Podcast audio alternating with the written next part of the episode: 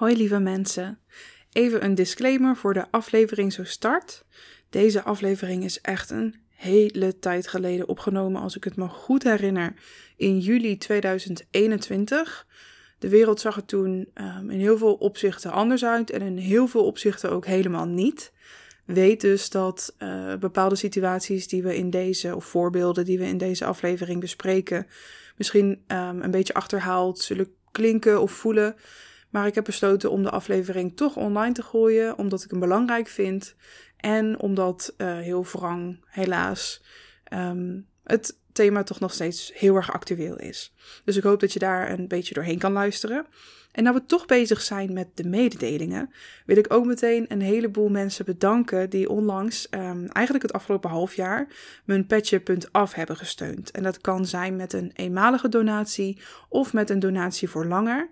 Um, en dat zijn de volgende mensen: Morgana, Hade, Lonneke, Vincent, Sonja, Emma, Marieke, Merel en een hele lieve anonieme donor. Ik wil jullie allemaal enorm bedanken. Jullie zijn degene die uh, voor een heel groot deel deze podcast mogelijk maken. En dat neem ik niet voor lief, dus uh, enorm bedankt. En nu heel veel plezier met de aflevering. Je luistert naar Big Vegan Sister, de podcast. Mijn naam is Lisa en ik strijd voor een wereld waarin we niet alleen liever zijn voor elkaar, maar ook voor onszelf. Met deze podcast ben ik er voor iedereen die een positief verschil wil maken in deze wereld, maar geen idee heeft waar te beginnen. Samen met mijn gasten neem ik je mee langs allerlei onderwerpen die bijdragen aan een inclusievere wereld. En bied ik je herkenning, nieuwe inzichten en een heleboel praktische handvatten om direct mee aan de slag te gaan. We zijn hier om te leren. Maar om maar even bij de woorden van Maya Angelou te blijven: When you know better, do better. Welkom bij een nieuwe aflevering van Big Vegan Sister, de podcast. De aflevering vandaag is de tweede en voorlopig laatste in de serie van rond de tafel gesprekken tussen mij en andere mensen die in de corona-risicogroep vallen of anderszins disabled, chronisch ziek of beperkt zijn. Mocht je de eerste aflevering uit de serie nog niet hebben geluisterd, doe dat dan zeker eerst even. Dat is het ronde tafelgesprek met Claire, Nina en Neuroelfje. Het is handiger om die aflevering eerst even te luisteren en daarna pas deze. Zoals ik aan het begin van de vorige aflevering al vertelde, wilde ik deze afleveringen eigenlijk al heel lang maken, maar was ik er steeds te moe, te verdrietig en te boos voor. En uiteindelijk zorgde het nieuws dat de overheid op 18 juni onlangs bekend maakte ervoor dat ik niet meer stil kon blijven. Ze kondigden namelijk aan veel coronamaatregelen los te laten, veel en veel sneller dan oorspronkelijk gepland. Vanaf 26 juni kwamen onder andere de beperking op het thuisbezoek en groepsvorming te vervallen, de mondkapjesplicht verviel grotendeels, het thuiswerkadvies werd versoepeld en alle evenementen die plaatsvinden in reguliere publieke plaatsen werden weer toegestaan. Voor veel mensen was dit een reden voor feest, maar voor mensen die in de risicogroep vallen, is het nog altijd een regelrechte ramp. Op het moment is het eind juli. En inmiddels is gebleken dat de overheid inderdaad veel te snel heeft versoepeld, wat er onder andere voor heeft gezorgd dat de coronabesmettingen in rap tempo toenamen.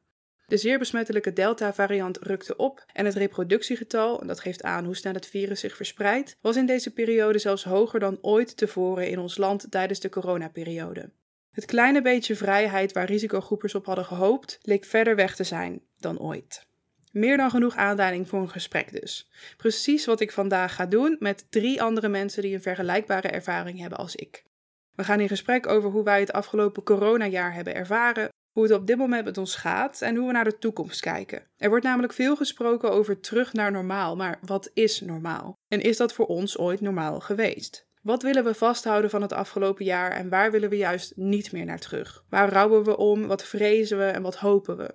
Ik hoop samen een klein beginnetje te kunnen maken aan het helen van de collectieve open wond die mensen uit de risicogroep ervaren. Een helingsproces voor en door de disabled community, waarbij ik niet-risicogroepers vooral uitnodig mee te luisteren, want onze verhalen worden nog te weinig rechtstreeks uit onze monden gehoord. Ik ben vereerd vandaag aan een symbolische digitale ronde tafel plaats te mogen nemen met Kaylee, Annika en Jackie. Welkom allemaal. Ik ben heel erg blij dat jullie vandaag uh, tijd en energie vrij hebben gemaakt om uh, over dit ja, toch wel beladen onderwerp met mij in gesprek te gaan. Dus allereerst een hele grote dankjewel. En daarnaast ehm, ja, gaan we, laten we gewoon beginnen. De vraag die ik uh, aan al mijn gasten stel is: hoe gaat het op dit moment met je? En is er iemand van jullie die zegt: Nou, ik voel me geroepen om deze vraag als eerste te beantwoorden? Ik wil op zich wel beginnen. Oké, kom maar door, Kelly. Ik, uh, met mij gaat het goed op dit moment. Zeker vandaag. Ik uh, heb een fysiek goede dag. Dus daar uh, ben ik heel happy mee. En uh, ik heb vakantie. Oh, dat is heerlijk. dat doet me goed. en de zon schijnt. Dat doet mij persoonlijk ook heel goed. Dus uh, ik, ik zit er lekker bij vandaag. En uh, als ik dan even iets meer, uh, iets meer uitzoom, zeg maar, naar gewoon op dit moment deze periode, dan uh, merk ik dat het nu uh, ook best redelijk oké okay gaat met me. Ik merk dat ik op het begin van de coronaperiode heel veel uh, moeite ermee had. En dat ik nu uh, me een stuk beter voel. Dankjewel, Kelly. Um, Shaki, hoe gaat het op dit moment met jou? Ja, ik, ik, ik, ik voel me een beetje alsof het een beetje dubbel gaat. Aan de ene kant begin je bij, bijna gewend te raken aan de, aan de situatie. Uh, aan de andere kant merk ik gewoon dat ik, uh, ja, ik struggle op dit moment wel een beetje met uh, depressie en zo rondom alles wat er gebeurt. Dus het is, neutraal is misschien de beste optie om te zeggen dat het gaat, het gaat neutraal. Ja. Dankjewel. En um, Annika, hoe is het met jou? Op het ja, moment? zeg maar op, op, op klein niveau, op, op dit moment niveau gaat het oké. Ik heb niet een heel goede week, maar ik heb, um, ondanks dat ik niet goed heb geslapen, wel een redelijke dag. Um, en ik heb gisteren en van de week uh, van de WMO een drempelhulp gekregen bij mijn voordeur, waardoor ik makkelijker met mijn rolstoel de deur uit kan, wat super fijn is. Ik had echt zo'n echt zo'n naar drempeltje van zeg maar 4 centimeter, waardoor je alsnog gelanceerd wordt. Dus het lijkt niks, maar ik vloog vrij letterlijk mijn woning uit. En nu ga ik super soepel. En ik heb een intercom gekregen. Ik heb een beneden, een begane grondwoning. Maar als ik in bed lig, kan ik de deur niet open doen. En nu heb ik dus een intercom dat ik vanuit bed kan ik dus van hallo, wie is daar? En of ik de deur open doe of niet. Waardoor ik de deur kan open doen voor mijn huishoudelijke hulp. Als ik niet in staat ben uit bed te komen. Dus ik heb heel veel opluchting en blijheid op dat kleine niveau nu, inderdaad. Uh, dat is heel persoonlijke fijn. overwinning van yes. En, en op, op, op groter niveau gaat het niet super goed. Ik keek heel erg uit naar gevaccineerd zijn en dan weer naar de supermarkt of iets dergelijks kunnen. En dat kan nu niet meer. Dus ik heb heel erg dat ik zo voor mijn gevoel vastzit en nu niet meer weet waar het heen gaat. En ik merk dat dat mijn depressie gewoon echt geen goed doet, inderdaad. Oh, nee, dat is echt super zwaar. Hoe voelden jullie je onder dat nieuws dat, ze, dat er versnelde versoepelingen kwamen? Ik zie Annika bijvoorbeeld wel heel diep zuchten. Ja, ik, ik, ik voelde gewoon heel erg zo'n teleurstelling. En, maar ook weer van, oh ja, natuurlijk.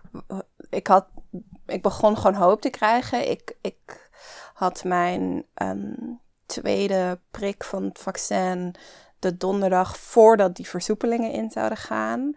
Dus ik keek echt uit van, nou ja, vanaf die week, letterlijk die week dat de versoepelingen ingingen, had ik eigenlijk meer vrijheid terug kunnen hebben. Daar keek ik heel erg naar uit en dat deed me heel erg goed.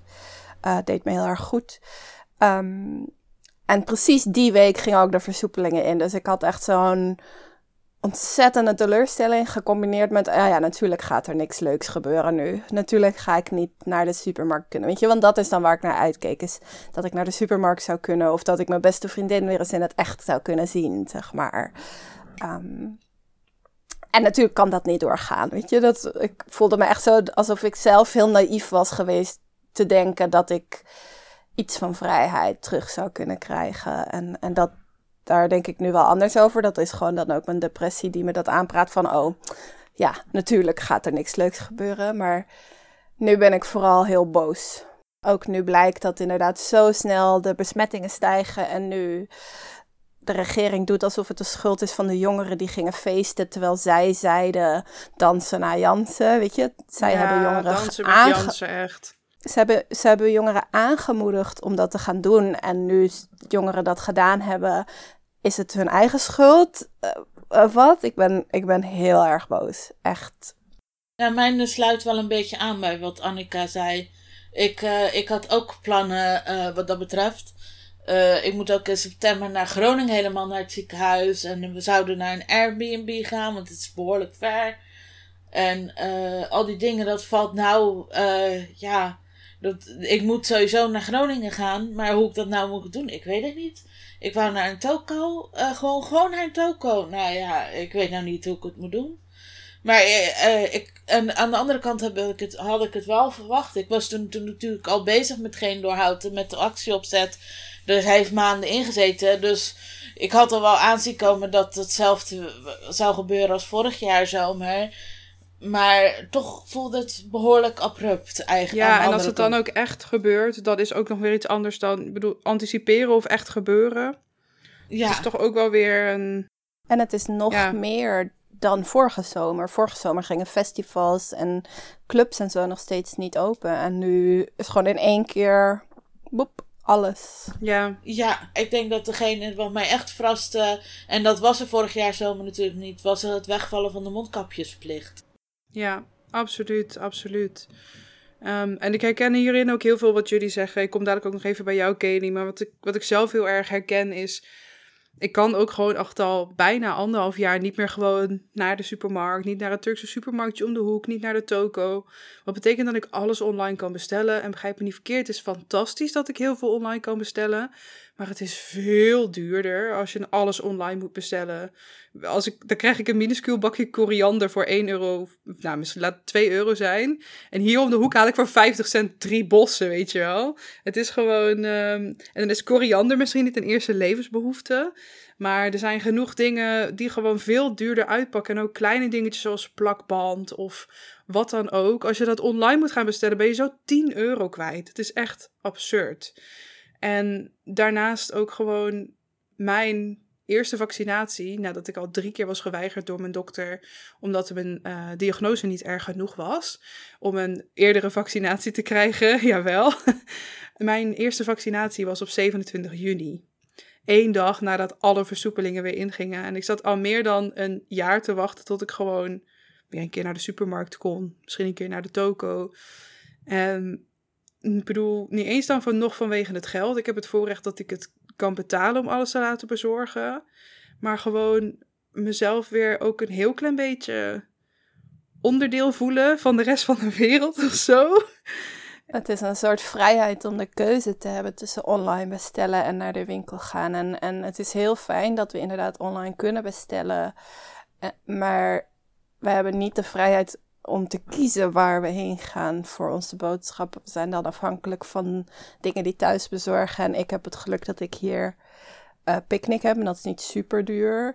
Maar dan van de week kreeg ik bijvoorbeeld bananen die al bruine vlekken hadden, zeg maar. Die had ik zelf dan niet uitgekozen in de supermarkt. Gewoon dat soort kleine dingen. Dan voel je echt zo van, nou, als ik nou gewoon naar de supermarkt kom, kon ik zelf kiezen welke banaan ik wilde. Het, het is inderdaad kleine dingen, maar dat is een vrijheid die wij nu gewoon niet hebben. Tenzij we ons gezondheid willen riskeren en dat is een banaan niet waard. Dus nee, dat is dat. En sommige mensen moeten ook wel, want wat als je op een plek woont waar geen eten bezorgd kan worden? Of wat als je die minimale bestelwaarde bijvoorbeeld niet eens kan halen omdat je het niet kan betalen? Wat als je dan, je, of, en niemand kan voor jou boodschappen doen? Wat als je dan, wat dan? Dan moet je dus je gezondheid op het spel gaan zetten. Om, je moet toch eten om in leven te blijven. Dus uh, het is gewoon zwaar problematisch. En uh, Kelly, hoe was het voor jou, dat nieuws? Ja, ik wil dus niet zeggen verbaasd, maar wel, ik denk, ik dacht wel van, hoe dan? Ja. Hoezo dan? Hoe, hoe kun je dit beredeneren en bedenken en dan, dan doorvoeren? En voor mij is het denk ik sowieso een, uh, een beetje anders, want ik ben gewoon niet ziek. Ik heb fibromyalgie, maar het is me niet helemaal duidelijk of ik in de risicogroep val of niet. Dus um, op het begin van, uh, van heel het corona gebeuren was ik daar echt ook wel, uh, ja, gewoon, uh, ja, ik wil het niet angstig noemen, maar gaf me wel wat druk, zeg maar. Het niet, het niet weten. En ondertussen, nu in de tussentijd, lijkt het zo te zijn dat, dat je niet per se grote risico loopt. Hè? En ik zeg blijkt, want het is me nog steeds heel erg onduidelijk eigenlijk. Um, Maar als wel je als je het dan hebt, dat je er veel meer last van hebt. Dus in die zin, ehm, ja, wanneer ben je risicogroep en wanneer niet, zeg maar. Eh, maar voor mij persoonlijk betekent het dus, ik ga wel naar de supermarkt en, uh, en dat soort dingen.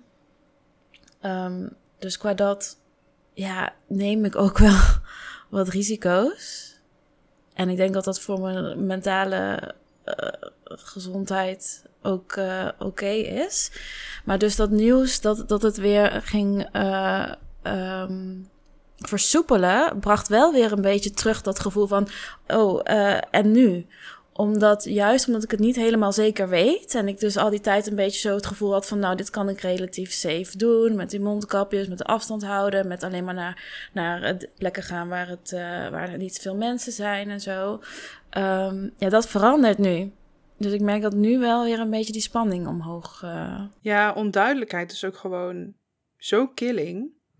En wat ik zelf ook heel erg moeilijk vind, is. Eerst hadden we nog allerlei dingen om aan vast te houden die de overheid zeg maar hadden opgelegd.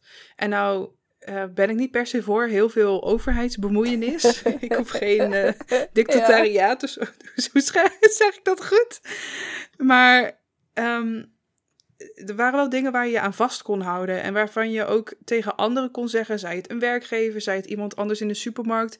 Jij moet afstand van mij houden. Jij moet een mondkapje dragen. Als je dat kan. Um, en dat valt weg. En ik kom nu heel weinig buiten. Ik wil straks ook nog heel even met jullie hebben over hoe je überhaupt de buitenwereld ervaart en wat dat dan ook is voor jou. Maar ik ben ook gewoon een beetje bang om straks weer met een mondkapje rond te lopen, omdat ik zoveel verhalen hoor over mensen die belachelijke dingen roepen naar mensen die mondkapjes dragen. En hoe kijken jullie hier tegenaan? Is het iets wat je herkent? Ik zie jou bijvoorbeeld al een beetje lachen, Kelly. Ja, ik, ik heb het nog niet uh, gehoord direct, zeg maar. Ik heb het nog niet mee, uh, meegemaakt. Um, maar uh, ik, uh, ja, hè, waar we het net al even over hadden, ik vind dit echt een fout van onze overheid. Ik weet nog op het begin, toen begon ik met het dragen van een mondkapje. En toen hoopte ik echt heel erg dat ze het zouden gaan invoeren. Alleen om, om zeg maar mensen het gevoel te geven van, oh ja, dit is, dit is oké, dit is gewoon, gewoon goed. Dus nu, nu um, als ik dan bijvoorbeeld dus in de supermarkt kom en ik, ik zie andere mensen met een mondkapje, dan denk ik, oh yes. Maar dan zie ik wel dat andere mensen dat dan kijken en denken, oh, dat is weer iemand die zich aanstelt, zeg maar. Ja, ik ben, ik ben daar ook heel bang voor. Ik, ik, als ik naar buiten ga, dan is het of dat ik voor mijn deur een kopje thee drink, of um, dat ik in de auto zit bij uh, een familielid, zeg maar. En nu die allemaal gevaccineerd zijn, um, doen we niet meer mondkapjes op, maar als ze nog niet volledig gevaccineerd zijn, wel. Dus ik, ik zit heel erg in een soort veilige bubbel met bekenden en met mensen die ook mondkapjes nog dragen. Maar het, het lijkt me heel spannend om nu naar buiten te gaan, inderdaad. En ik heb bijvoorbeeld hier in de straat ook mensen die dan in hun raam van die moederhart en vaccinvrij postertjes hebben hangen en zo. En ik vind dat heel beangstigend dat dat zo uitgedragen wordt alsof dat heel normaal is, zeg maar. En mijn wereld is al zo klein en ik ben heel bang als ik hem iets groter maak, dan moet ik wel mijn mondkapje op, maar ik wil inderdaad niet dat daar dan commentaar op komt of zo. Dus dat is inderdaad een, is wel een angst die ik ook heb, omdat ik wel ook niet alleen verhalen online, maar ook van directe omgeving heb gehoord dat er inderdaad of opmerkingen of rare blikken of dit en dan ja. ik wil gewoon veilig blijven, jongens. Ik heb het al een keer gehad, COVID. Ik wil het niet nog een keer. Laat me. Ja, Jackie, is dat iets wat jij ook herkent? Ja, zeker. Ja, met geen houdt ik natuurlijk overal een beetje in en op. En uh, wij hebben ook uh, uh, een brief gestuurd naar politici over de bedreigingen rondom de mondkapjes. Oh ja, uh, zou je misschien heel kort even kunnen vertellen wat geen doorhoud is? Want je bent natuurlijk een van de medeoprichters daarvan. Zou je misschien heel kort kunnen vertellen wat jullie doen? En dan pakken we hem daarna weer even op bij uh, of je dit herkent. Ja, ja wij zijn eigenlijk. Uh, het is ontstaan uit de hashtag. Um, En daaruit is een actiegroep ontstaan. Eigenlijk een beetje grappig, omdat het initieel gewoon een hashtag was. Uh, en wij een actiegroep werden genoemd, genoemd toen politici over de hashtag aan het praten waren. dacht ik, oké, okay, dat kunnen we wel. Dus, ja, goed idee. ja, dan zijn we dat toch. Ja, precies. Dus ik heb met een groep het verzameld. En ik heb ook eigenlijk de, de backing van Feminists Against Ableism daarin. En ja, en, uh, ja wij doen eigenlijk uh, heel veel verschillende acties. Uh, veel brieven sturen, veel online wel. Recentelijk een, een actieapplicatie in Den Haag. En ja, op Twitter zitten we eigenlijk continu bovenop de materie, reageren we erover op. Uh, proberen we regelmatig richting uh, politici te reageren. En uh, ja, we blijven doorvechten, ondanks dat niemand wil luisteren, zeg maar. dus ja. Maar Jackie, jij was aan het vertellen um, of je dat ook herkende, die um, misschien een soort angst voor reacties op wanneer je een mondkapje draagt. hoe is dat voor jou? Ja, ja dus, eh, doordat ik er dus eigenlijk bovenop zie en zie wat er ook gebeurt online en offline, heb ik die angst dus zelf wel heel erg. Um, uh, zeker omdat er ook ja, vrienden van mij zijn die echt online ook echt doodsbedreigingen hebben gekregen en zo. Oh jeetje, hè? Ja, ja dus het is heel heftig. Vandaar dat we ook die brief hebben geschreven. Uh, en wanneer ik meestal naar buiten ga, is het eigenlijk vooral naar het ziekenhuis. En dat maakt het gewoon extra eng, want dat moet je gewoon veilig kunnen doen. Uh, ja, en, en het ziekenhuis waar ik over het algemeen heen ga is Erasmus. En dat is voor mij toch anderhalf uur uh, of iets dergelijks ehm, reizen. Dus ja. Ja. ja. ja. En je hebt gewoon het recht om daar veilig te komen, maar het wordt je erg moeilijk gemaakt. Ja, precies. Erasmus gelukkig zelf is, uh, on, ja, is, is op dit moment de laatste keer dat ik er was, voelde het heel veilig. Ondanks dat de mondkapjesplicht er niet meer was, draagde bijna iedereen hem nog gewoon. Ja, dus Erasmus zelf uh, was heel, heel veilig en ze hadden ook bepaalde dingen omgebouwd, zodat er veel meer ruimte was om afstand van elkaar te bewaren en zo. Dat was wel tof. Dus, maar ja, de reis daarheen echter. dus, ja, want moet je dan met het openbaar vervoer of, of hoe kom je daar? Ja, met het openbaar vervoer. Ja, ja, ja. precies. Ja. ja, en ik weet ook niet of jullie herkennen. Ik heb zelf bijvoorbeeld, ik weet van mezelf, ik val al redelijk op. Ik bedoel, enerzijds is dat mijn keuze. Ik heb felrood haar, dat valt op. Dus niet waarom ik het zo verf. Ik vind het gewoon mooi, maar het valt wel op, dus dat weet ik. Maar ik ben ook dik, ik neem vrij veel ruimte in voor mij is het dan ook nog, als ik dan ook nog een mondkapje draag, zeg maar, ik voel me al een, politiek statement als ik de deur uitloop, gewoon door hoeveel ruimte ik inneem, zeg maar. Om dan ook nog een mondkapje op te doen en te weten dat er sommige mensen op straat gegarandeerd zullen lopen die daar bepaalde dingen over denken. Ik kan het bijna niet dus opbrengen. Ik heb het idee dat ik, ik zit buitenshuis dus in een rolstoel met elektrische aandrijving. En ik heb het idee dat als mensen dan mij met een mondkapje zien, dat ze dan eerder zullen denken: oh, die is ziek. Daarom. Omdat ze kunnen zien aan mijn rolstoel dat ik iets heb. En ik denk, als je geen hmm. hulpmiddelen hebt, dan word je door andere mensen sneller gezien als iemand van: oh, uh, waarom draag jij een mondkapje? Terwijl bij mij is het: oh, dat is zo'n zieke. Oh, dat is zo'n gehandicapte. Dat snappen we wel, zeg maar. um, dus ik heb voor mij het gevoel dat het in mijn voordeel zou kunnen werken omdat een rolstoel voor veel mensen zo'n teken is van, oh, die is hartstikke ziek. In mijn geval klopt dat toevallig, maar dat, dat, hoeft het niet te betekenen. Maar ik heb het gevoel dat dat eerder voor mij in, in het voordeel werkt, inderdaad. Ja, dat ervaar ik zelf ook wel zo. Ik denk dat mensen daardoor ook sneller geneigd zijn om, om, om, uh, om hem met rust te laten. Daarom in ieder geval. En ik, ik ben het daar niet mee eens, weet je. Dat is ook gewoon het validisme dan van de samenleving. Dat ze dan... De, sowieso durven ze niet zo snel een grote mond te hebben tegen iemand in een rolstoel, zeg maar. Want dat, oh, dat is zielig en oh... Uh, en dat mijn rolstoel mij dan zou beschermen tegen verbale uh, dingen over mijn, rond, over mijn potentiële mondkapje. Dat is eigenlijk gewoon een vorm van het validisme van de samenleving. Dat ze me niet als, als volledig mens zien, maar als, maar als, oh, dat is zo'n zieke, oh, natuurlijk draagt die er nog eentje. dat je bijna niet wordt gezien überhaupt als mens. Precies. Ja, je bent de rolstoel inderdaad. Ja, en, en hoe is dat voor jou, Kelly, als je een mondkapje draagt op dit moment in, buiten, in de openbare ruimte? Is dat iets wat je, wat je ook überhaupt heel erg ervaart als een ding? Of is het niet zo'n issue voor jou? Hoe, hoe is dat voor jou? Op het begin dacht ik wel van, oh ja, dan ben, dan ben ik de persoon die een statement moet maken. Weet je ja, ja, ja, ja. um, maar um, ja, waar ik woon, dragen relatief veel mensen nog mondkapjes. Dus ik ben eigenlijk nooit de enige. Wat me. En dat is echt afhankelijk van waar ik woon, denk ik. Dat, uh, dat zal op andere plekken anders zijn. Ja, kan ik je garanderen. Ja, ja precies. Dus daarom, daarom uh, voel ik daar niet zoveel van of bij, zeg maar.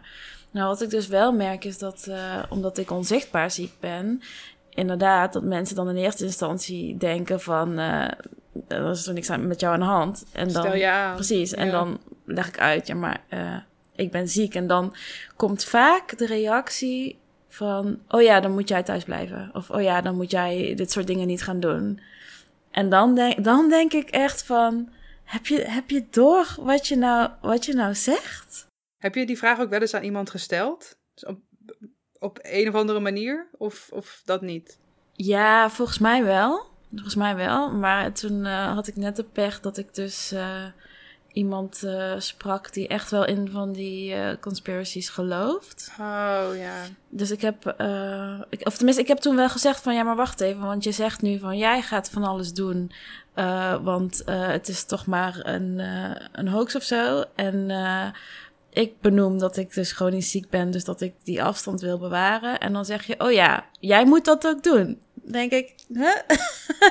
hoe, hoe, uh, hoe gaan die bij elkaar? Niet heel congruent. Nee, precies. Nee.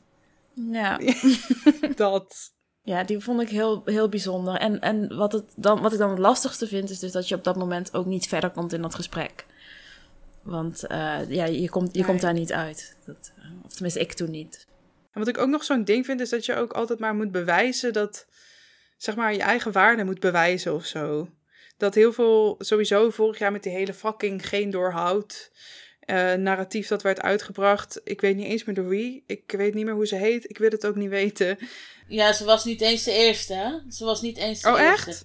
Nee, de eerste was Maarten Keulemans. Ik, ik, vergeet zijn naam nooit meer, omdat hij nou wetenschapsredacteur is voor de Volkskrant. Dus uh, dat was dat stuk over gelukkig oogst het alleen de zwakkere of zoiets. Ja. Ja. Ja. Echt, dan kan je nagaan dat zo'n stuk dus langs verschillende redacteuren is gegaan, langs een eindredacteur, dat al die mensen hebben gezegd, ja, laten we dit eugenetische stuk even plaatsen. Ja, dat was opinie dan, hè? Mag wel een beetje controverse. zich dan ja. onder. Ja, maar het is opinie, is niet wat de krant denkt. Ja, ja, is opinie. Ja, lekker makkelijk. Kan het ook, je kan het ook niet, uh, ja. Mm, daarom bied je een enorm platform. Je hebt die persoon toch betaald voor zijn opinie, dat, dus... Uh... Precies dat. Maar wat ik dus eigenlijk wilde zeggen, is um, dat het me zo stoort dat ik de hele tijd het gevoel heb dat ik mijn eigen waarde moet bewijzen. Zo van, oh ja, mijn leven doet er ook toe. Um, ik doe er ook toe. En ik heb daar helemaal geen zin in. Ik heb helemaal geen zin om mezelf op die manier te bewijzen. En ook kreeg je toen dat heel veel mensen um, gingen die hashtag toen ook gebruiken. Uh, hashtag geen doorhoud. Maar daar kwamen dan ook weer eigenlijk best wel validistische verhalen vanuit mensen met beperkingen zelf. Van ja, en dit voeg ik allemaal toe in de maatschappij. En ik uh, heb al twaalf en een half jaar dit werk. En dit heb ik allemaal wel niet gedaan. Um, wat eigenlijk ook meteen een dis is naar alle, alle personen met een beperking die helemaal niet kunnen werken.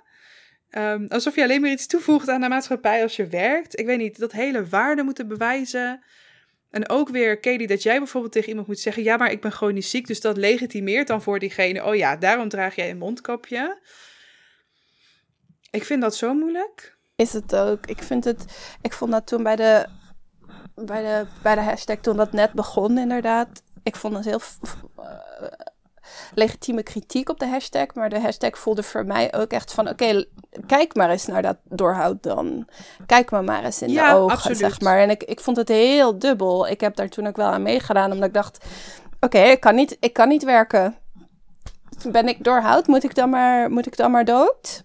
Nou, COVID heeft het geprobeerd en het is niet gelukt. Dus jammer, ik ben er nog. Maar uh, ik vond het heel dubbel. En. en wat ik nu eigenlijk vooral heb als ik dat soort gesprekken aanga, ik doe het eigenlijk niet meer omdat mijn gezondheid zo achteruit is gegaan. Maar als ik ze dan heb, geven mensen me heel erg het gevoel dat ik egoïstisch ben omdat ik probeer mijn bestaansrecht te bewijzen. En dat vind ik nu heel moeilijk. Denk ik, ja, dan draaien ze het zeg maar om van ja, maar jij bent egocentrisch omdat jij wil dat ik mij aanpas zodat jij jouw leven kan leiden. En dan denk ik, ja, maar het is toch een kleine aanpassing voor jou waardoor ik iets kleins terugkrijg, zeg maar. Het is, het is nu niet gelijk, maar die gesprekken worden altijd op je teruggedraaid alsof het alsof het jouw schuld is. En dat vind ik nu het moeilijkst. denk ik, ja, nou heb ik mijn menselijkheid en mijn waardigheid getoond aan je, zeg maar, wat al niet zou moeten. En dan draai je het naar me om dat ik niet zoveel eisend moet zijn omdat ik ziek ben. En dat, dat is eigenlijk nu waar ik. Ik kom er gewoon niet meer uit. Ja, en het, het zegt ook heel veel over hoe mensen überhaupt aankijken tegen zieke levens, eigenlijk. Dat het A, een enorme ver van hun bedshow is, terwijl ze niet beseffen dat iedereen op ieder moment van de dag disabled kan raken. En daarnaast, um,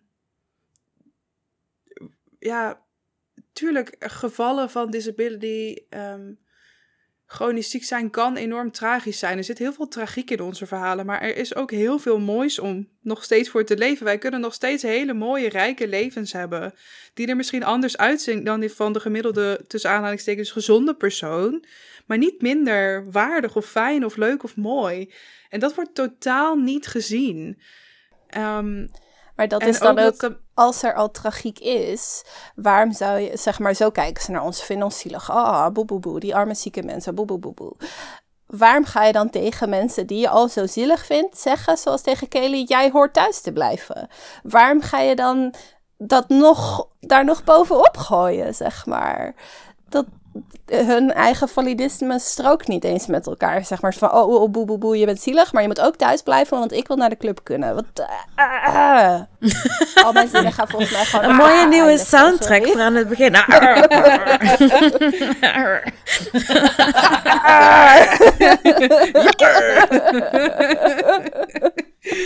Jackie, wat wou jij zeggen? Ik zei, niet, niet gehandicapte mensen zijn soms zo onlogisch. dat, uh, ja. ja. Ja. Ja, het, Is, het is exact wat, je, wat heel veel mensen Eigenlijk is, uh, ik gebruik zelf gehandicapt en niet gehandicapt. Hè? Als ik over mensen praat, en dat doe ik eigenlijk bewust. Ik volgde eigenlijk een beetje Imani Barberin daarin. Uh, want eigenlijk is uh, niet, ja, niet gehandicapt zijn voor meeste mensen is dat maar een tijdelijke staat. En dat beseffen ze zich gewoon niet. Je, ook heel veel mensen, als je, als je op een gegeven moment ouder wordt, ga je ook ja, beperkingen krijgen. En, maar dan zijn ze echt gefocust op, jij, jij bent anders. En ik denk, ja, ik ben straks ook onderdeel van jouw leven, weet je. Dus, uh, dus wat dat betreft, dus ik gebruik bewust dus gehandicapt en niet gehandicapt. En dat vinden ze heel vervelend. ja. ja, ik heb ook wel eens mensen horen pleiten voor het gebruik van nog niet Dat heb ik jou wel eens horen oh, zeggen ook, ja. ja. Ja, Als ik dan daar meteen even over door mag gaan. Het, is misschien, het heeft misschien niet direct iets te maken met uh, COVID. Maar ik heb zelf. Um, als disabled persoon is de toekomst een heel raar en pijnlijk ding. Enerzijds ben ik er heel bang voor. Anderzijds ben ik voor bepaalde dingen waarvan ik zeker weet dat mensen van mijn leeftijd daar heel erg bang voor zijn, heb ik geen angst meer voor. Ik weet, ik, zeg maar, hulpmiddelen kijk ik heel anders tegenaan dan ik ooit heb gedaan. Um, bij alles wat ik denk, hoe kan het mijn leven comfortabeler maken? Uh, comfortabeler maken? Bring it on, denk ik dan. Um, rolstoelen vind ik niet meer eng. Stokken vind ik niet meer eng. Ik zit zelfs te denken, oh, misschien moet ik zelf ook eens een stok halen. Kijken of ik dat fijn vind. Dat zegt nog niets over dat ik sowieso een heleboel geïnternaliseerd validisme van mezelf ga tegenkomen als ik daarmee buiten ga lopen. Maar mijn relatie tot, zeg maar, hulpmiddelen en... Um, is, is zo veranderd, waardoor ik ook een, een bepaalde mindere angst heb, juist voor de toekomst. Wat ik ook juist wel een angst heb voor de toekomst. Hoe is dat voor jullie? Does it make any sense wat ik nu zeg? ja, zeker. Maar it makes a lot of sense, ja. En voor mij is, voor mij is deze wel gekoppeld aan, aan COVID en uh, corona. Omdat ik het afgelopen uh, jaar ben ik uh, dus fulltime voor mezelf gaan werken. met ook als reden dat ik beter voor mezelf kan zorgen. Omdat ik dan minder afhankelijk ben van mijn, wat mijn werkgever wel en niet voor me regelt. Dus het afgelopen jaar heb ik uh, geïnvesteerd in heel veel dingen om me te helpen. Uh, in uh, computerdingen, in mijn fiets, in nog niet, ja, nou, in, in, dingen om te zorgen dat ik fysiek gewoon het wat makkelijker voor mezelf maak. En ik denk dat ik daardoor ook wel een, een soort van ontwikkeling heb doorgemaakt waarin ik tegen mezelf heb gezegd van, ja, het, het, het, is gewoon belangrijk om goed voor jezelf te zorgen en dat is oké.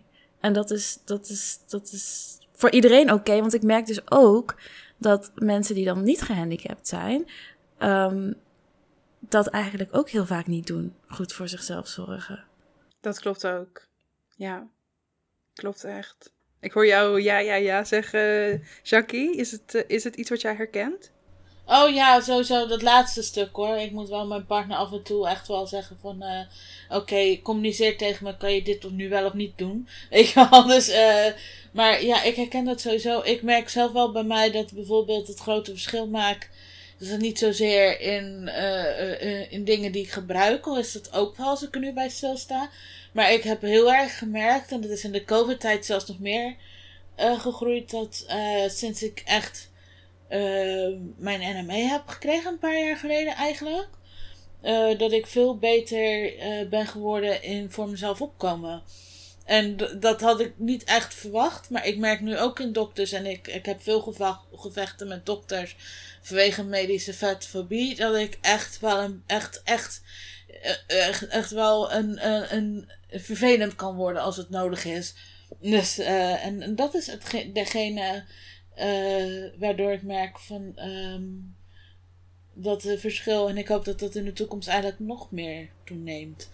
Ja. ja. Doe me eigenlijk ook beseffen dat de juiste kennis ook een hulpmiddel is. Ja, ja zeker. Weten wat je kan zeggen op welk moment, in welke situatie. Ook voor jezelf opkomen bij de dokter. Ik bedoel, het is verschrikkelijk dat het nodig is. Ik uh, herken het helaas. Ik heb hetzelfde. Um, maar toch weten wat je op dat moment kan zeggen en die munitie bij je hebben, dat is echt ook zo'n belangrijk hulpmiddel. Als ik hier even wat mag droppen, ik weet dat um, supportgroep Dikke Vinger uh, bezig is met een hele gids met allerlei actiepunten voor uh, Dik bij de Dokter heet het. Je kunt ze even opzoeken. Ik zal het ook in mijn show notes zetten. Je kunt je vast op de e-maillijst zetten. Ik ben hier niet aan verbonden of zo. Ik vind het gewoon super vet dat ze ermee, super vet, dat ze hiermee bezig zijn. um, en dan kun je dus opgeven voor hun e-maillijst. Uh, en dan zodra er iets uit is, want ze willen volgens mij een gids gaan maken met hoe je het allemaal aan kan pakken. Stel je maakt vethout of vetfobie mee bij de dokter. Hoe kan je dat aanpakken? Wat kan je dan zeggen? Um, onderbouwd met allerlei onderzoeken en zo die je kan laten zien. Dus mocht je dat interessant vinden, nou, zet vooral dan je naam op de e-maillijst. Um, dus ik zal dat eventjes... Ja, goed hè? Ik zal het even in de show notes zetten. Zo belangrijk. Het is echt tragisch dat het nodig is. Maar uh, ja, hard, hard nodig. Ik zit op dit moment zelf ook in het proces van een nieuwe huisarts vinden. Omdat mijn huisarts überhaupt, vind ik, de hele coronasituatie veel te veel bagatelliseert. Um, als een vervelende poortwachter functioneert hij mij van, van alles onthoudt waar wat ik nodig heb en waar ik recht op heb. Maar daarnaast ook gewoon gigantisch vetfoob is. Dus um, ja, mochten nog mensen fijne dokters weten in Eindhoven. Zo moeilijk om een goede dokter te vinden, inderdaad. Maar echt, echt. Oh, ik zou gewoon drie hele afleveringen met jullie op kunnen nemen over medisch poortwachterschap. Maar echt, maar, maar echt. dat gaan we maar even niet doen. maar, maar daarop aanhakend met jouw vraag van net. Ik, ik heb dus al sinds 2011 dezelfde huisarts. Sinds 2012 zit ik in mijn huidige relapse met mijn ziektes. Um, en in het begin was hij best wel dismissive. En hij heeft me dus ook een SOLK-project ingestuurd en dat soort dingen. Wat helemaal niet geholpen heeft natuurlijk. Want ik ben... Want wat houdt dat precies in, uh, voor degenen die dat niet weten? SOLK is somatisch onver om onverklaarbare lichamelijke klachten, geloof ik. En dat, dat is een soort van restgroepje. En dan word je gewoon eigenlijk... Ik ben letterlijk naar de GGZ gestuurd met mijn fysieke ziektes. En dan kreeg ik cognitieve gedragstherapie. En dan kreeg ik uh, bepaalde fysiotherapieën. Het was wel een soort multidisciplinair traject, zoals ze dat zo mooi zeggen. Dus met verschillende uh, disciplines die tegelijk dan samenwerken. Dus ik had PMT, fysiotherapie, cognitieve gedragstherapie, van alles. Maar dat heeft natuurlijk helemaal niet geholpen, want ik heb gewoon een ziekte. En ja, daar kan je heel veel psychologen tegenaan gooien, maar dat gaat niet helpen. Ehm, en in het begin heeft hij me dus daarin gezet. En in de loop der jaren ben ik zelf gewoon meer eh, te weten gekomen over mijn ziekte. Via online, via andere mensen die het hebben. Ehm, en ben ik hem langzaam eigenlijk tot een goede huisarts gaan kneden. Ja, dat klinkt heel raar zo, maar op een gegeven moment had ik zoiets van: ik ga weg bij jou. Ik, ik word gewoon niet geholpen zoals ik geholpen wil worden. Ik word niet doorgestuurd naar de artsen waar ik heen wil. En toen heb ik dus een keer gebeld met de assistenten van: kan ik eventueel naar een andere huisarts in dezelfde praktijk? Want ik vind de praktijk wel prettig, maar ik wil een andere huisarts. Nou, dat was niet mogelijk. Een soort solidariteit onderling dat zij dat niet doen dacht ik, nou oké, dan ga ik een andere praktijk zoeken. Lekker in het belang van de patiënt. Maar... Ja, nee, alles in het belang van de arts alleen natuurlijk. Hè. Kom op nou. Zo dan. Zal toch eens een keer aan een patiënt denken, dat kan natuurlijk niet. Ehm, maar zonder dat ik dat wist, heeft de assistent dat in mijn systeem gezet. Ook iets wat ik heel erg vind. Maar mijn huisarts belde mij dus die avond met: hey, ik zie dat jij een andere huisarts wil. Hoe, hoe, hoe, hoe, of wat, zeg maar. Uh, en toen was ik super moe, dus zei ik: Nou, daar kan ik nu niet over praten. Maar als je later terug kan bellen. Dus toen, één of twee dagen later, heb ik met hem gebeld. En heb ik dus aan hem uitgelegd wat in de loop der jaren allemaal pijnlijk was aan wat hij gedaan heeft. En um, hij heeft bijvoorbeeld toen ik uh, uiteindelijk aan mezelf toegaf, ik heb een rolstoel nodig, heeft hij tegen mij gezegd dat rolstoelen therapiestoppers zijn. Ja. Dus ik zat op het moeilijke mentale punt met allemaal geïnternaliseerd validisme van oh nee, ik moet een rolstoel. En dan zegt je huisarts dat is een therapiestopper, dan word je alleen maar zieker sowieso, wat is een therapiestopper? Doe normaal. Dat is sowieso überhaupt zo bizar om dat zo te noemen. Maar ook nog eens gewoon heel schadelijk geweest voor mijn mentale gezondheid. En dat is dan een heel concreet voorbeeld. Maar zo zijn er steeds kleine dingen geweest. En toen ben ik dus dat gesprek met hem aangegaan daarover. En heb ik dus aangegeven hoe pijnlijk dat allemaal is geweest. Wat hij al die jaren heeft gedaan. En dat ik me niet gesteund heb gevoeld door hem. En hij heeft dat dus nooit beseft. Hij heeft nooit doorgehad dat dat zo. En heel veel dingen wist hij ook niet meer. Want voor hem is dat een terloopse. Uh, gewoon een terloopse uh, opmerking. Maar mij blijft dat dan voor altijd bij op een gegeven moment zat ik dus bij hem met, in mijn rolstoel en zei hij, ja, maar de vorige keer kon je nog lopen. En toen aan de telefoon zei ik, ja, toen ik dus lopend kwam, kon ik s'avonds niet meer koken. Nu ik in mijn rolstoel kwam, kon ik s'avonds nog een beetje een eitje bakken en, en op een broodje doen, zeg maar, weet je. Dat soort dingen had hij gewoon nooit over nagedacht. Hij had eigenlijk gewoon niet genoeg kennis van het soort chronisch ziek dat ik ben. En doordat hij dus zo schrok van dat ik een nieuwe huisarts zocht, maar wel dus ook zoveel geïnvesteerd had in mij dat hij me als patiënt ook niet kwijt wilde of zo. Dat hij ook dacht van, hé, hey, maar waarom wil Annika nu weg? Um, heeft dat eigenlijk een soort shift geleverd. En het is natuurlijk niet oké dat ik mijn eigen huisarts moest opvoeden, basically, om hoe om te gaan met mensen die zo chronisch ziek zijn als mij. Maar dat heeft wel echt een heel erg grote shift in mijn relatie met hem um, teweeggebracht. En ik ben nu ook nog steeds bij hem. En nu geeft hij wel de betere ondersteuning. Maar nu voel ik me ook sterker in dat als het wel weer een keer mis zou gaan, dat ik dat tegen hem kan zeggen. Zeg maar. Dus dat is gewoon.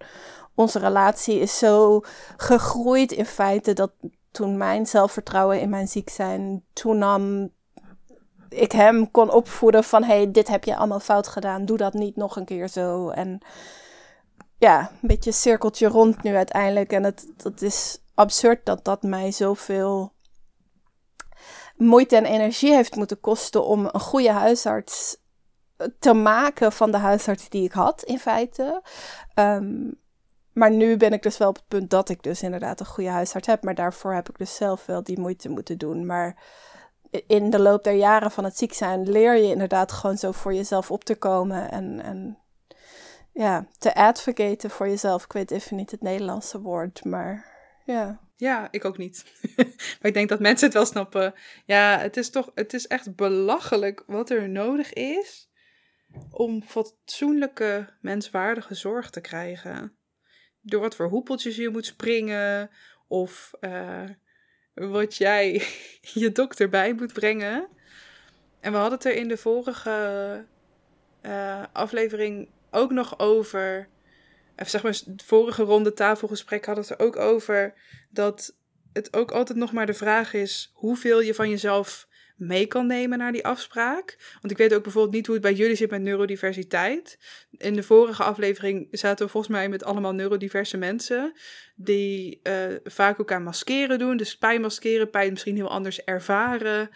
Um, hoeveel daarvan kan je meenemen naar je dokter? Wanneer word je wel en niet geloofd? Wat helpt juist als je dit Stel, ik kom met een bepaalde klacht, dan denk ik ook: oké, dit en dit, dit ga ik maar niet benoemen, want dan weet ik dat ze naar die kant op gaan sturen.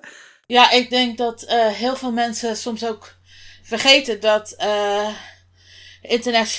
intersectionaliteit ook daar zo heel erg een rol in speelt. Ik ben natuurlijk en dik en gehandicapt. En ik ben non-binary, maar mijn dokters lezen me als een vrouw. En dat werkt allemaal natuurlijk niet zo heel erg goed. Dus, dus dat. Ja, ja, ik, ik, ik wou hier ergens mee heen gaan, maar mijn gedachten zijn opeens linkeroor uit. Dus laat maar. Ja, heel erg herkenbaar. Ja. ja. Ja, ze hadden het natuurlijk aan het begin al eventjes over de overheid. Nou, een groot onderdeel van de overheid is natuurlijk de politiek. Die nemen natuurlijk heel veel beslissingen. En er valt te betwisten of dat altijd de juiste beslissingen zijn geweest. Um, nu kwam natuurlijk onlangs Sylvana Simons van bijeen met een motie. Annika, kan jij daar misschien iets meer over vertellen? Ja, ik, ik weet niet de precieze inhoud van de motie meer uit mijn hoofd. Maar het kwam erop neer dat zij um, in haar motie in feite samenvatten wat, de, ja, wat, wat het beleid is geweest van de overheid de afgelopen anderhalf jaar dat, dat COVID in Nederland is en wat de gevolgen daarvan zijn. Dus ook de hoeveelheid doden, de hoeveelheid langdurig zieken, voor zover daar ongeveer zicht op is.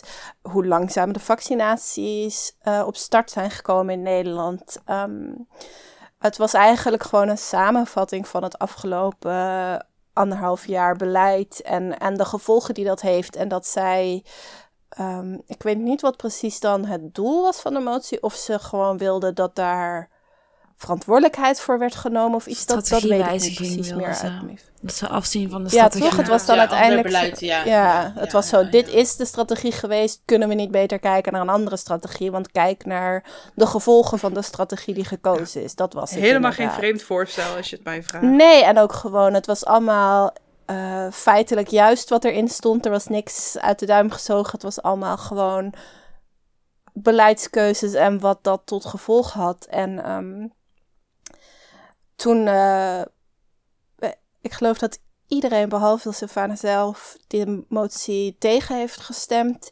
En dat uh, Mark Rutte zelf de motie als onbeschaafd uh, heeft bestempeld.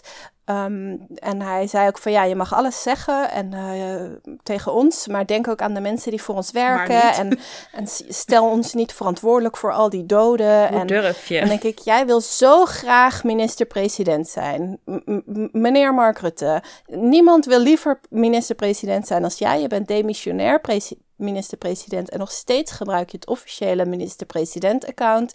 Je weigert die plek op te geven, ook al is het hele land, al zou het hele land onder water staan, zoals nu recentelijk in Limburg voor een gedeelte, dan nog zou hij vast blijven houden van nee, ik ben onze minister-president. Dan moet je ook de gevolgen van jouw beleid onder ogen willen zien. En het, het is niet onbeschaafd om op de feiten gedrukt te worden, zeg maar. Er stond niks feitelijks onjuist in haar motie. En om dan zo fel te reageren op iets wat in feite zo tam is. Het is gewoon, dit is jouw beleid en dit zijn de gevolgen daarvan. Zouden we daarvan kunnen leren en ander beleid kunnen toevoegen?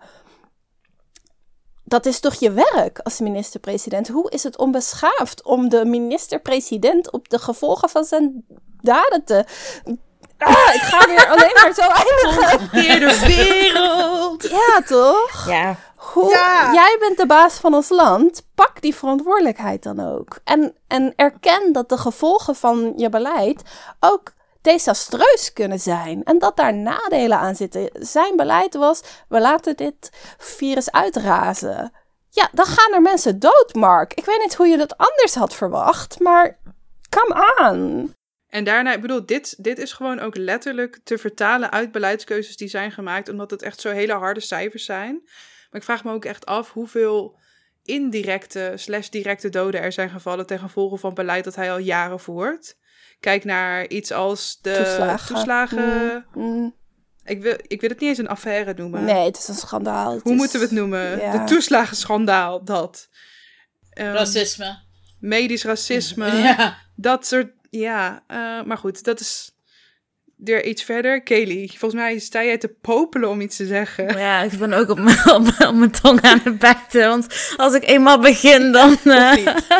Ja, bring it on. Bring it on. Ik, dit geeft dit gewoon titel, ja, de grote nee, ja. Nou, ik heb dus zeg maar met, uh, met, uh, met Lodi, met mijn verloofde, al, al afgesproken dat ik dus later, als wij kinderen hebben, als dat, als dat kan, dat ik dan ga roepen VVD als scheldwoord. Dat ze, weet je wel, dat ze dan leren van, oh, dat is een heel erg scheldwoord. en dat dan zo roepen op school en dan iedereen kijkt van, huh? ja. ja. oh, toeslagsschandaal. Maar ja, nee, dit, uh, heel deze... Kijk, ik, ik stond er enorm van te kijken dat... Um, hij heeft echt de moeite genomen om hier bij deze motie even extra stil te staan. Omdat bij, specifiek bij deze wilde hij heel duidelijk aangeven dat hij dat niet vond kunnen. Nou ja, en als je dan woorden, woorden kiest richting Sylvana als uh, onbeschaafd, en dat doe je niet in, uh, in een beschaafd land. Ja, ik, uh, ja, nou ja, ja. Ja, ja, dus ja precies. Ja. ja. Zeggen, ja. Dat woord is er niet. Nee, ja, ik denk dat dat uh, qua dit dat het. Uh, maar goed, dan ben ik uh, echt even in mijn eigen gedachten aan het rondgaan. Dat hij gewoon van dit moment ook gebruik maakte om te proberen haar op haar plek te zetten. Maar mhm. volgens mij werkt dat averechts. Ik denk niet dat hij daar heel veel verder mee komt. Gelukkig niet, nee. Nee. Wat dat betreft, ja, ja, ja ik, ik, ik, de, uh, ja, ik schaarde het eigenlijk ook wel onder misogynoir, zeg maar. Uh, wat wat hij gewoon doen. Ja, ja, en ja, wat dat betreft, de Savannah heeft er gewoon altijd gestaan voor risicogroep en heeft altijd gestaan tegen dit beleid. En, en, dit is gewoon niets nieuws. Ik bedoel, uh, uh, bijeen heeft ook meerdere keren echt heel veel dingen van geen doorhoud gesteund. En uh, dit is overigens niet de eerste keer dat deze motie is ingediend. Alleen de taal is iets anders. Ze heeft ook eerder deze motie ingediend met um, Volt. Ja. Toen. ja.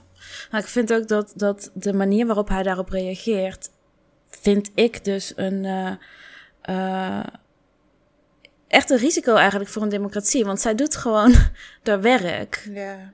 Zij doet haar werk. Ja, Zij doet en ik geloof echt niet dat hij tegen anderen um, ja, hetzelfde, hetzelfde had gezegd of dezelfde woorden had gebruikt. Of uh, nee, daar geloof ik echt niet in. Ja, nee. Absoluut, nee. absoluut. Nee.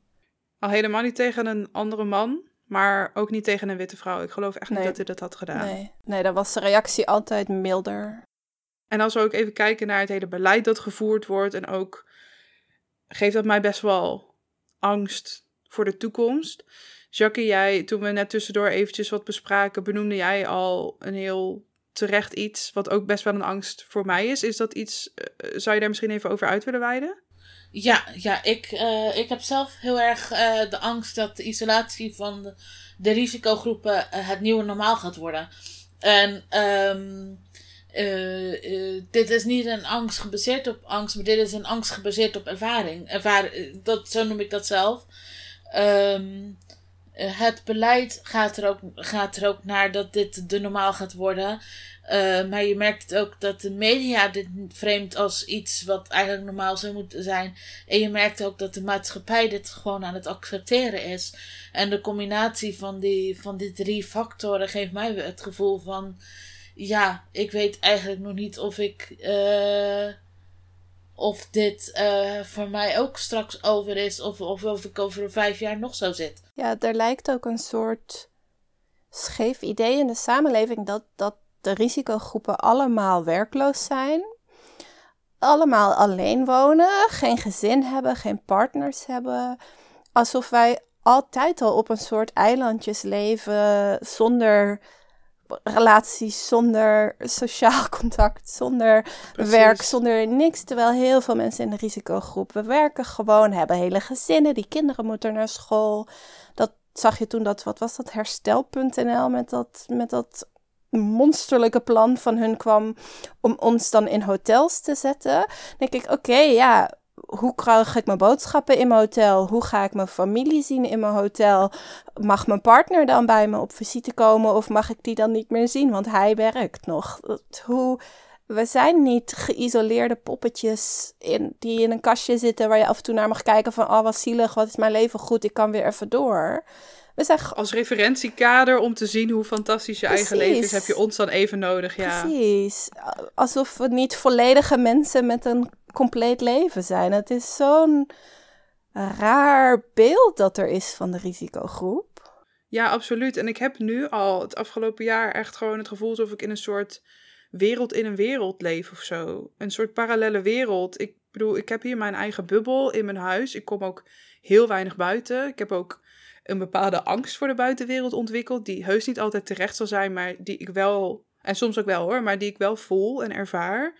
Maar het beangstigt mij ook heel erg om op dit vlak te denken aan de toekomst. Omdat ik dan denk van ja, hoe, hoe gaan we dat dan doen? Als je naar andere landen kijkt waar het heel serieus wordt genomen en mensen met z'n allen in isolatie gaan om de zwakkere, nou ja, zwakkere vind ik meer kwetsbare deel van de samenleving te beschermen, omdat dat iets is wat logisch wordt gevonden, die solidariteit voor elkaar. En hier gaan mensen actie voeren tegen anderhalve meter afstand houden van elkaar en dan vergelijken ze het met de ja, holocaust. Nou, letterlijk, ja. Oh my god. Nou, sorry, wat? Maar we, oh. we, zijn hier ook heel individualistisch. Ja. ja, dat is het ook echt. Ja. Dus, ja. En daar valt natuurlijk ook wat voor te zeggen. Ik bedoel, de landen waar we het over hebben, waar het een stuk beter gehandeld wordt. Ik weet niet of je zoveel overheidsbemoeienis altijd moet willen. Nou, dat valt wel mee hoor. ik, ik, ik, ik ga even wat indoen. Als je kijkt naar Nieuw-Zeeland, wat ze deden. Daar kwam ook heel veel vanuit de maatschappij zelf vandaan. en dat hmm. maakt wel echt kijk, een dat is wat je wil. Ja. Dat het vanuit mensen zelf komt en dat het heel gewoon gevonden wordt om: oké, ik, ik ben misschien ziek, ik ga in isolatie, oké, ik hou afstand van jou, ik draag een mondkapje wanneer ik dat kan. En moet je eens kijken wat daar nu allemaal weer mogelijk is. Ik bedoel, ik wil landen als Nieuw-Zeeland wil ik niet te ver ophemelen, want ze hebben echt een super validistisch, uh, onder andere um, uh, immigratiebeleid, immigratiebeleid. En ik weet ook dat er heel veel racistische praktijken tegenover oorspronkelijke bewoners daar plaatsvinden. Dus ik wil het niet te erg ophemelen. Maar we mogen wel een voorbeeld nemen aan de uh, maatschappelijke solidariteit. En ik vraag me ook heel erg af hoe dat gaat zijn. Um, als we kijken hoe kijken mensen tegen um, zieke mensen aan. Er zijn het afgelopen jaar natuurlijk in één keer heel veel mensen disabled of ziek of, of, of gehandicapt geworden, hoe je het dan ook wil noemen. Mensen hebben COVID opgelopen, die hebben daar heel veel klachten aan overgehouden. Die hebben long-COVID bijvoorbeeld eraan overgehouden. En ik moet ook eerlijk toegeven, ik had het er net, had het er met Kelly ook al kort even over. Toen Nee, wacht. Weet je, Kelly, ik laat jou eerst even hierover aan het woord. Ik zal daarna mijn duit in het ja, Ja, want ik vertelde dat, uh, dat ik het afgelopen jaar, vooral eens op het begin, echt wel het heel lastig vond dat... Uh, ik, vind het, ik vind het moeilijk hoor, want ik weet nog niet wat ik er zelf van vind dat ik het me zo heb gevoeld. Maar zo heb ik me wel gevoeld. Ja, dat herken ik. Ja, dat ik... Uh, dat, uh, er heel veel aandacht was voor mensen die COVID kregen en, en long COVID. En dan ook hè, in, in, in nieuwsberichten van, oh kijk wat er kan gebeuren. Dit is erg, dit moeten we niet willen. En dat is ook zo, hè. Dan moeten we ook niet, we, willen deze ziekte niet. Um, maar ik, ik, ik had wel echt zo'n gevoel van, oh ja, er is heel veel sympathie of zo. Wat ik enorm heb gemist toen ik chronisch toen ik wist dat ik chronisch ziek was. Als in um, de reacties die ik krijg zijn dus vooral van, uh, oh ja, nou ja, dat is dan hè, van jou, daar moet je dan maar mee dealen. Vervelend voor jou, maar ja, hè, succes ermee. En uh, tegenover heel veel sympathie voor dit is erg, dit is vervelend. Kijk wat er kan gebeuren en hoe lang het kan duren en zo. En echt, ook nu, terwijl ik dit nu zeg, heb ik hele dubbele gevoelens daarover dat ik me zo voel hoor. Dat, uh... Ja, ik herken dat heel erg. Ik, uh, ik heb een diagnose, ik deel mijn diagnose niet om verschillende redenen, maar ik heb een diagnose die een beetje zo in de groep valt. We weten niet wat er met je is, dus nu krijg je deze stempel. En um, van heel veel mensen ontvang ik niet echt begripvolle reacties. Ik snap dat mensen het niet per se kunnen begrijpen, maar ze nemen het vaak ook niet heel erg van me aan. En al helemaal medisch personeel niet, bijvoorbeeld. Ehm, of eh, ja, laat ik vooral zeggen, mijn huisarts. Ehm, en toen heel veel mensen die daarvoor niet disabled waren, dus ineens disabled werden, was daar heel veel aandacht voor. En ik vind het geen mooie eigenschap van mezelf, maar ik werd er heel erg jaloers van. En ook boos. En ik dacht, oké, ik zit hier al, weet ik veel, ik tel even, zes, zeven jaar mee. Met hele vergelijkbare dingen als die mensen overhouden aan, als ze long covid hebben. En omdat het nu heel veel non-disabled of not yet disabled treft, is het ineens hot topic. Terwijl wij zijn hier al zo lang en we roepen al zo lang om een klein beetje aandacht en erkenning ook omdat die aandacht en erkenning leidt tot meer onderzoeken. Omdat wij ook graag antwoorden willen. Omdat wij ook in sommige gevallen zeggen: Nou, doe mij alsjeblieft een medicijn zodat ik weer iets meer kan. Ehm, en ik was gewoon jaloers op mensen die een andere diagnose hadden dan ik. Die ehm, nou ja, door de maatschappij zoveel meer werd erkend als oh wat erg en oh wat zielig. Terwijl ik ook helemaal niet zielig gevonden wil worden. Er zit een heel groot conflict in mij. Ja, ik zie jou, ik zie jou al lachen, Annika. Is dat iets wat je herkent? Ja, absoluut. Heel erg. Ik heb ook uh, groepstherapieën gehad en daar kwam dit ook bijna altijd ter sprake. Dat waren dan inderdaad toen in die solktijd. Dat zijn dus allemaal ook mensen met een soortzelfde uh, diagnoses van ja, we weten het niet precies. Um, ik heb toen op een gegeven moment een gesprek gehad, één op één, met een meisje uit die groep. Die zei van ja, ik weet dat ik het niet hardop mag zeggen en ik vind het heel erg. Maar ik wou dat ik kanker had in plaats van dit. Want als ik kanker had, kreeg ik wetenschapskaartjes en nu word ik genegeerd. En ze zei van natuurlijk wil ik geen kanker, natuurlijk wil ik dat niet. Maar ik wil de erkenning die daarbij komt kijken. En dat is gewoon waar ik nu aan moet denken. Nu ik jullie hoor praten, moet ik denken aan het, het verdriet wat er in die zin zat. Natuurlijk wilde zij geen kanker, maar zij wilde wel een wetenschapskaartje van haar tante in plaats van dat het genegeerd werd op verjaardagen. En ik, ik denk dat dat het is. Het is een soort jaloezie voor de erkenning dat je ziek bent. Bij ons wordt toch vaak gedaan alsof je niet echt ziek bent of het zit tussen je oren. Ik heb dus COVID gehad. Ik heb nu ook long COVID. Maar omdat ik al een onbegrepen ziekte had, wordt dat gewoon gezien als: oh ja, jij hebt long COVID. Sure. Terwijl ik nu veel zieker ben dan ik voorheen was. Maar hè, omdat ik dan al onbegrepen ziekte had, wordt ook long COVID in dat rijtje geschaard van ja, wow, whatever. En, en je wil gewoon die erkenning van nee, ik ben echt ziek. Neem me alsjeblieft serieus. Het heeft mij jaren geduurd voordat mijn gemeente naar mij luisterde dat ik hulpmiddelen nodig had. Nu krijg ik ze. Nu weten ze, oh ja, ze is echt zo ziek. Maar ik heb bijvoorbeeld een vriendin. Ik heb jaren gestreden om deze benedenwoningen te krijgen. En ik heb een kennis. En die heeft MS. En die kan meer dan ik. En die heeft een benedenwoning gekregen. En dat, dat gun ik haar. Weet je, ik gun dat iedereen. Maar het is niet eerlijk dat zij het krijgt met een diagnose die bekender is. En dat mensen die even ziek zijn of, of nog zieker of misschien wel minder ziek, dat maakt niet uit. Dat de diagnose minder bekend is, wil niet zeggen dat je die hulp niet nodig hebt. En je wil dan niet MS hebben, maar je wil die erkenning die daarbij komt kijken van, oh ja, dat is een echte ziekte. Mijn UWV-arts zei zelfs tegen mij: Ja, als jij een echte ziekte had, dan was het anders. En ik zo, pardon. En hij zei: Ja, sorry, dat bedoel ik natuurlijk niet zo, maar een ziekte die erkend wordt. Ja, precies. En, en wat ik ook nog heel erg vind hieraan is dat het mensen binnen de disabled community recht tegenover elkaar zet.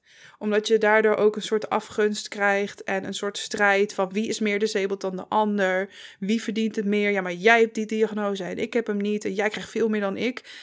En waarom is dat? Omdat er niet genoeg toegankelijkheid is. Omdat de wereld niet toegankelijk genoeg is. Het zou niet een soort taart moeten zijn met een x aantal stukken. En oh, nu zijn ze op, dus je krijgt geen rolstoel of je krijgt geen benedenwoning. Want ik weet ook. Bak gewoon een extra taart. Is, ja. Sorry. dat, gewoon een oneindige taart. Vegan en gluten-free, please. Yes. En. Um, maar wat er ook aan het begin uh, tijdens COVID gebeurde, en wat ik ook heel goed snapte, is dat heel veel um, disabled personen ook heel veel moeite hadden met die nieuwe disabled personen, zeg maar long COVID mensen, toelaten in de community omdat ze echt zoiets hadden van, ja, wij zijn de veterans. En, uh, je komt net kijken. Jij snapt het toch niet. Ja. Je komt net, ja, dat heb ik echt veel gezien. Ik heb dat gemist. Nee, maar ik, ik heb zelf ME. En de ME en long COVID mensen, uh, die zeg maar mensen die openbaar zijn met een ME, zijn gelijk uh, handjes in elkaar gegaan. Uh, dat, ja, en om, om elkaar te helpen. En daardoor merk ik nu ook bijvoorbeeld door de diagnose long COVID dat uh, wetenschappelijk gezien ME een beetje meelift op wat er gevonden wordt met uh, long COVID. Dat is wel echt zo. Het wordt nu een beetje aan elkaar verbonden, inderdaad. Ja. Ja, en ja, ik herken voor de rest ook wel heel erg wat jullie zeggen hoor. Uh, sowieso merk ik met long COVID dat mensen het nu ook weer niet beginnen minder serieus te nemen. Maar ik, uh, ik heb natuurlijk ME en POTS en zo. En, maar ik heb ook syndroom van koude. Ik ben jaren niet serieus genomen. Echt jaren niet met van alles niet. Uh, ik krijg een aandoening als syndroom van koude. Wat heel heftig is hoor. Ik heb er heel veel moeite mee. Uh, maar wat wel een aandoening is dat groot impact heeft op mijn leven, maar niet op mijn dagelijks kunnen. Uh, voor wie, uh, ik zal even uitleggen, syndroom van koude is een genetische aandoening wat zorgt dat de rem op celdeling uitstaat. En het, het meest bekende daarvan is dat het verschillende soorten kankers veroorzaakt. Ja, en hoeveel procent extra het is verschilt met de soort kanker. Bijvoorbeeld borstkanker is echt iets van 85% of zo, weet je wel. Maar voor, ja, voor, voor, voor huidkanker gaat het maar van 2 naar 9%. Dus het verschilt wel heel erg. Maar goed, het is een heftige diagnose. Uh, waarvoor ik elk jaar naar het ziekenhuis moet. Maar daarnaast heeft het eigenlijk geen impact op mijn leven. En dat heeft de ME eigenlijk pot wel. Daardoor zit ik in de rolstoel. Daardoor kan ik niet soms uh, meer dan een week niet douchen. En het, het, het, in mijn hoofd klikt het gewoon niet. Waarom kan je opeens mij wel serieus nemen met die diagnose, maar al die andere dingen niet? Ja. Vooral omdat je zelf weet hoeveel impact het op jouw leven heeft. Juist, zeg maar in je leven nu. Die andere diagnoses die zij niet serieus nemen. Dat jij beseft dat dat juist de diagnoses zijn die jou beperken. Ja, precies. Ja. Echt de enige andere diagnose dat zeg maar onder chronisch ziek valt die serieus genomen wordt is mijn artrose. En dat is omdat je, uh, ja, omdat de meeste mensen weten wat het is. Ja. ja. En zo ongeveer iedereen het ook uiteindelijk krijgt, toch? Als je maar oud genoeg wordt. Ja, precies. Ik was er jong bij, maar ik doe graag dingen in, ja. blijkbaar. je bent graag een trendsetter. Ja. oh, lieve mensen. Ik wil nog heel lang met jullie doorpraten, maar we zijn gewoon al bijna anderhalf uur aan het kletsen. En we zijn hier met spoonies onder elkaar, dus we moeten het een beetje beperken. uh, ik wil jullie eigenlijk nog één laatste vraag stellen. Er luisteren nu natuurlijk mensen die zichzelf misschien in ons herkennen, maar er zullen ook mensen luisteren die niet deze ervaring hebben, maar die wel graag een goede bondgenoot voor ons willen zijn. Um, wat zou jij die mensen graag mee willen geven om tijdens, maar ook als er zoiets bestaat als post-corona, er voor ons te kunnen zijn? Uh, praat meer over wat ons overkomt en volg ons meer. Dus dat is één ding samen. Draag je mondkapje. yes. ja, sowieso. ja. Ja. Annika of Kelly, heeft iemand van jullie al een, uh, een ingeving? Nou ja, ik, ik denk, luister naar ons. Laat wat je gehoord hebt in, in de twee gesprekken op je inwerken en, en laat het invloed hebben in hoe je communiceert naar de mensen om je heen over COVID, over de lockdown, over de regels, over de mondkapjes.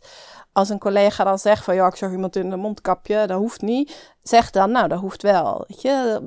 Kom, kom voor ons op, luister naar deze verhalen en hoeveel impact dit op ons heeft. En, en kom voor ons op als je hoort dat uh, niet gehandicapten onderling doen alsof het allemaal niks voorstelt. Want het, het stelt wel iets voor, ook voor hen. Maar voor ons is het tastbaarder nu. Ik denk dat dat, dat is wat nu in me opkomt, ja. Dankjewel. En Kelly? Ik denk hetzelfde als wat ik eigenlijk altijd vind bij elk onderwerp. um, er luisteren allemaal mensen die allemaal op verschillende plekken in de maatschappij zitten en bij verschillende organisaties binnenkomen en zijn. En ik denk dat het ook heel erg belangrijk is om op die plekken deze gesprekken te voeren.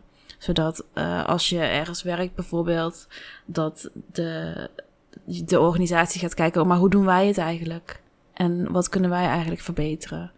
Dus ja, je kunt echt ook een verschil maken door op de juiste plekken deze gesprekken te voeren. Mooie, mooie tip. Nou, en dan wil ik als laatste nog een pleidooi houden. Houd alsjeblieft de online toegankelijkheid erin. Alsje, alsje, alsjeblieft. Het heeft het voor mij echt mogelijk gemaakt om bij evenementen aanwezig te zijn waar ik anders nooit bij had kunnen zijn. Um, en het afgelopen jaar heeft laten zien dat het gewoon echt niet zo moeilijk is om dingen. Ook al is het een soort hybride event, zijn er mensen wel offline aanwezig. Zend het alsjeblieft online uit. Daardoor worden er een heleboel mensen niet buitengesloten. Dan heb ik het niet alleen maar over mensen met een beperking, maar heb ik het ook bijvoorbeeld over mensen die heel erg druk zijn, die misschien niet altijd tijd hebben, die misschien geen geld hebben om uh, af te komen reizen naar de Randstad, waar alles plaatsvindt. Ja. Nee, grapje. Sorry. maar um, nee, dus je helpt er een heleboel mensen mee. Dus doe dat alsjeblieft. Lieve Annika, Kelly en Jackie, ik wil jullie echt onge, onge, onge, ongelooflijk bedanken voor dit mega fijne, mooie gesprek. Ik hoop dat jullie het net zo fijn hebben gevonden als ik. Ik vind het altijd heel erg helend om met mensen te praten die op zo'n dieper niveau snappen hoe het is. Wat dat het ook is. En dat, uh, dat heb ik nu wel echt ervaren. Dus duizendmaal dank aan jullie. Uh, waar uh, zijn jullie te vinden op het internet? zodat mensen jullie kunnen gaan volgen. Annika. Um, ik ben eigenlijk het meest actief op Instagram. Ik heb een persoonlijke Instagram en een illustratie-account. Um, mijn persoonlijke is NNKMLL. Annika Mel met... Hè? No clinkers.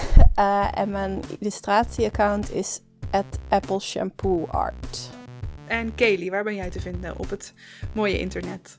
Het meeste op Instagram en op LinkedIn. En eigenlijk als je mijn uh, naam ergens intypt, Kelly Rosalina, dan uh, zul je me moeten vinden.